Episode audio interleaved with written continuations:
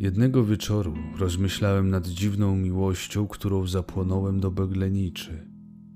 Miłość ta wzniosła się w najczystsze regiony zdobywanej wiedzy i duchowego światła.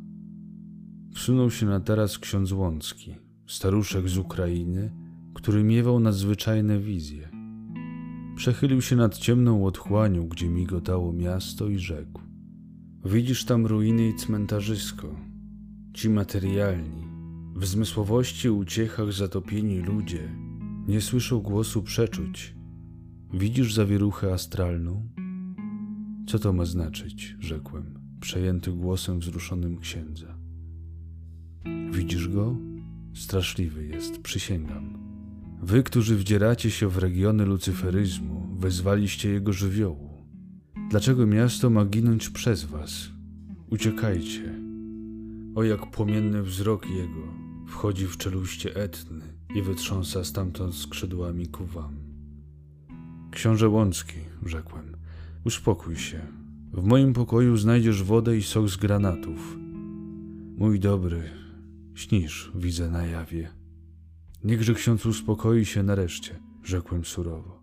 Ale on pochylił się nad tarasem, tak że go musiałem trzymać i krzyknął: Burę masy płyną tu, masy astralne, przeryte błyskawicami krwawymi.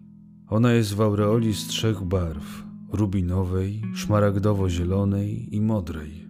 Wzbudza miłość Lucyfera, sięga w jego królestwo. Oddal się, oddal. Książę Łącki, idź ze mną do mego pokoju, połóż się. Ale on pchnął mnie silnie i patrząc w głąb rozognionym wzrokiem zakrzyknął. Nie pozwalała ci widzieć twoja nadmierna umysłowość. Miasto całe zginie za chwilę. Idźmy w dzwony uderzyć. Och, ratuj moją córkę, Sylwię. Wieść ta zdumiałaby mnie w innym czasie. Sylwia była jedną z towarzyszek wyprawy. Ksiądz pochylił się i gdybym go nie wstrzymał, runąłby niechybnie. Był w mediumicznym stanie. Zaprowadziłem go do mego pokoju i ułożyłem. Niepokój nie o siebie wstrząsnął mną. Nie mogłem jednak uwierzyć, że grozi niebezpieczeństwo Mesynie ze strony Lucyfera. Lucyferyzm to pojęcie mocy, która w najgłębszych ciemnościach naszych świecą jako nadświadome. Wprawdzie od tego świecenia ciarki po skórze przechodzą, a mózg przeciętnego konsumenta tlenu wybiera się na spacer, z którego nie wraca w całości. Z księdzem Łąckim zamieszkiwaliśmy niedaleko klasztoru zakonnic, a z nim ta, którą nazwał swoją córką. Mąż Sylwii odjechał do Ameryki, mając nadzieję poprawić nadszarpany majątek.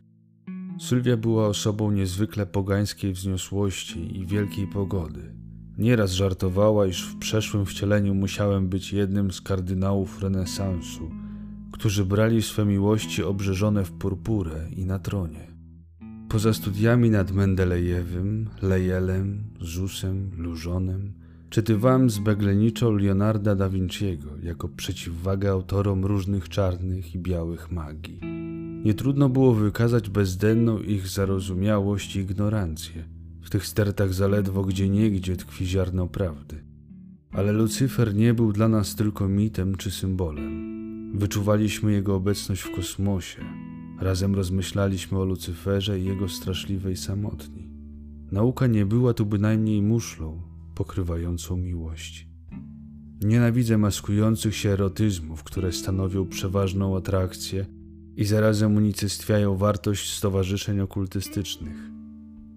Trafem wybrał mój mistycyzm kobietę nie tylko genialną, ale przy tym stronem czarno-kasztanowych włosów, iskrzący ogniami jak brązowy kamień halcedon lub raczej jakby jesienna pieśń laszu, gdy na brązowych liściach migoce wschodzące słońce. Wzrok begleniczy podobny do groty kaprejskiej. Na dnie tych lazurów morskich odbijało się mroczne, gorejące lawą inferno. Wzrok begleniczy był piękniejszy od wszystkiego, co stworzyła przyroda. Lecz jej dobroć, jej mądrość, jej bezmierna radość niesienia słońca wszystkim zdobywały jej admirację i nawet nazwę królowej. A przeto miłość moja była podobna do tej dysputy Rafaela, która się odbywała między niebem a ziemią. Moja asceza polega nie na martwym wycieńczaniu ciała, ale na wzmożeniu jego rytmu, jego precyzji muskularnej, jego impregnacji mocami okultystycznymi.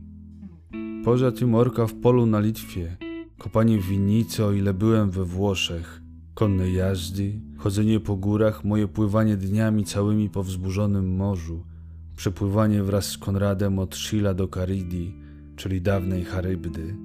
Na przejazd ten barka z czterema wioślarzami zużywała najmniej trzy godziny. W sztuce nautycznej bezwarunkowo przewyższaliśmy wraz z Konradem Byrona. Ten tryb życia mistyczny, a jednocześnie fizyczna praca i uprawianie raja yogi żachowały mnie młodym. Jednakże moja myśl posępna czyniła mnie raczej starcem gór, wódz asasinów, który żył na Libanie. Rządziłem wszelkim uczuciem z bezwzględną surowością i osiągnąłem wraz z Begleniczą wzmożenie sił magnetyczno-duchowych. Wykuliśmy wolę w most olbrzymi między światem zmysłów i światem jaźni kosmicznej. Opanowanie ludzkością i wprowadzenie jej na drogę zatraconą heroizmu aryjskiego było już tylko nastawieniem zegara ukazującego dwunastą o wschodzie słońca. Zbliżyliśmy się w tym trudzie wewnętrznym ku przełęczy, z której miały nam zabłysnąć wszelkie dale i najgłębsze moce. Przed służący i podał mi list. Był odbegleniczy. Żąda, bym stawił się o północy w jej salonie. Zamieszkiwała w klasztorze, gdzie oddano do jej rozporządzenia salon na dole.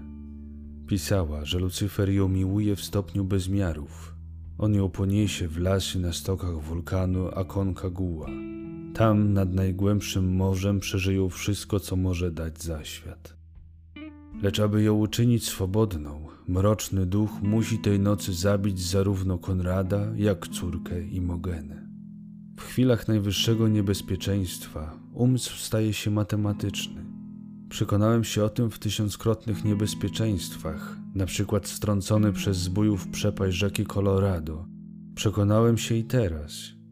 Tak więc dano mi do wyboru ratować Imogenę i Konrada, czy z Begleniczą posiąść królestwo centaurów i Lucyfera.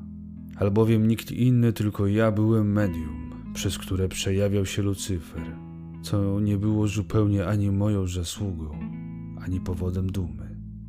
Ale teraz musiałem stanąć do walki z własną jaźnią. Jeśli nie mówiłem dotąd o Imogenie, to dlatego, że mówić trudno o czymś, co jest nieprawdopodobne. Imogena miała lat 16, mieszkała w klasztornej celi na trzecim piętrze, nad matką. Wiedziałem, że zachodzą między nimi drastyczne starcia, lecz teraz dopiero uprzytomniłem, że słoneczność matki nie może znieść mistycznych gwiazd córki. Imogena piękną była, lecz to nie wchodziło w krąg moich pobudek. Piękną jak peruwiańska bogini miłości. Piękną była jak noc księżycowa w lasach około Limy, gdzie Beglenicza żyła z Konradem w pierwszych czasach po ślubie. Imogena jednak była zupełnie niezależna duchowo i fizycznie od swych rodziców. Miała oczy w kontraście zbyt księżycowe i duszę zbyt rozkołysaną w jasnowidzeniach. Od czasu, gdy przyjechaliśmy do Mesyny, unikała mnie. Zamknięta w klasztorze oddała się modlitwom czy rozmowom z duszami, które oglądała w kryształowym szmaragdzie. Postanowiłem ostrzec Imogenę i Konrada przed własną złowrogą mocą. Z tarasu widziałem, że Imogena chodzi po ogrodzie. Rwała wysokie, białe kwiaty. Białe kwiaty w ogrodzie klasztornym, kochała bowiem śnieg nad wszystko. W rowach ogrodu szemrała woda strumyków. Nad nią kwitnęły irysy, lilie, storczyki, konwalie, niby kościół z białymi opłatkami. Chciałem Imogenę przyzwać telepatycznie, ale nie wyczułam je. Imogena weszła do klasztoru. Z salonu przyćmionego dochodziła przecudowna muzyka. Noc panowała nie tylko na ziemi, lecz i we mnie. Szczególny dreszcz wstrząsnął podziemiami mej istoty, drżały fundamenty mej duszy i siliły się wywrócić zamczysko świadomości, wierzchołkiem w dół. Morze tajemniczych westchnień pełne nie było tak wzruszone jak ja. Miasto świecące łuną, po libacjach świątecznych uśpione, nie było tak szalejące w swych snach, jak ja na jawie. Wąż rajski, Miłość Hewy umiłowanej mogła mnie odciąć od tytanizmu, który miał ludzkości wyrąbać tunel do świata słonecznego wiekuiście. Mroczny cień, który towarzyszy zwykle każdemu księdzu, jest owym apokaliptycznym zwierzem kanonów zakonnych. Zwierzę to, zmuszone przeglądać się w wodach martwych, przechodzi czasami w obłęd. Ale wszak nade mną szumiał od dawna krysztalnie modry wodospad życia już nadziemnego. Mistyka moja nie była snem szklanym. Ja, niby ciężko okuty w żelaza czarny rycerz, szedłem po górach duchowego realizmu i w kuźnicy, przy ogniu kraterów podziemnych, wykuwałem mosty życia nowego. Chrystusa nie wyrzekłem się. Chrystusa miłowałem. Lecz droga moja była straszliwsza, po górach, może nieznanych ewangelistom. Tak, paliło się powołanie Chrystusowe we mnie, kiedy nie żądałem już niczego dla siebie. Wtem głos wewnętrzny kazał mi obudzić miasto. Wtedy zrozumiałem, że burza we mnie nie jest pokusą, ale ostrzeżeniem gotującego się kataklizmu w przyrodzie. Beglenicza jako wrażliwsza podległa tej burzy wcześniej, ale jak istna walkiria pędząca na chmurze, nadała jej impregnację psychiczną, kształtując w bezmiarach naszą zobopólną wizję Lucyfera.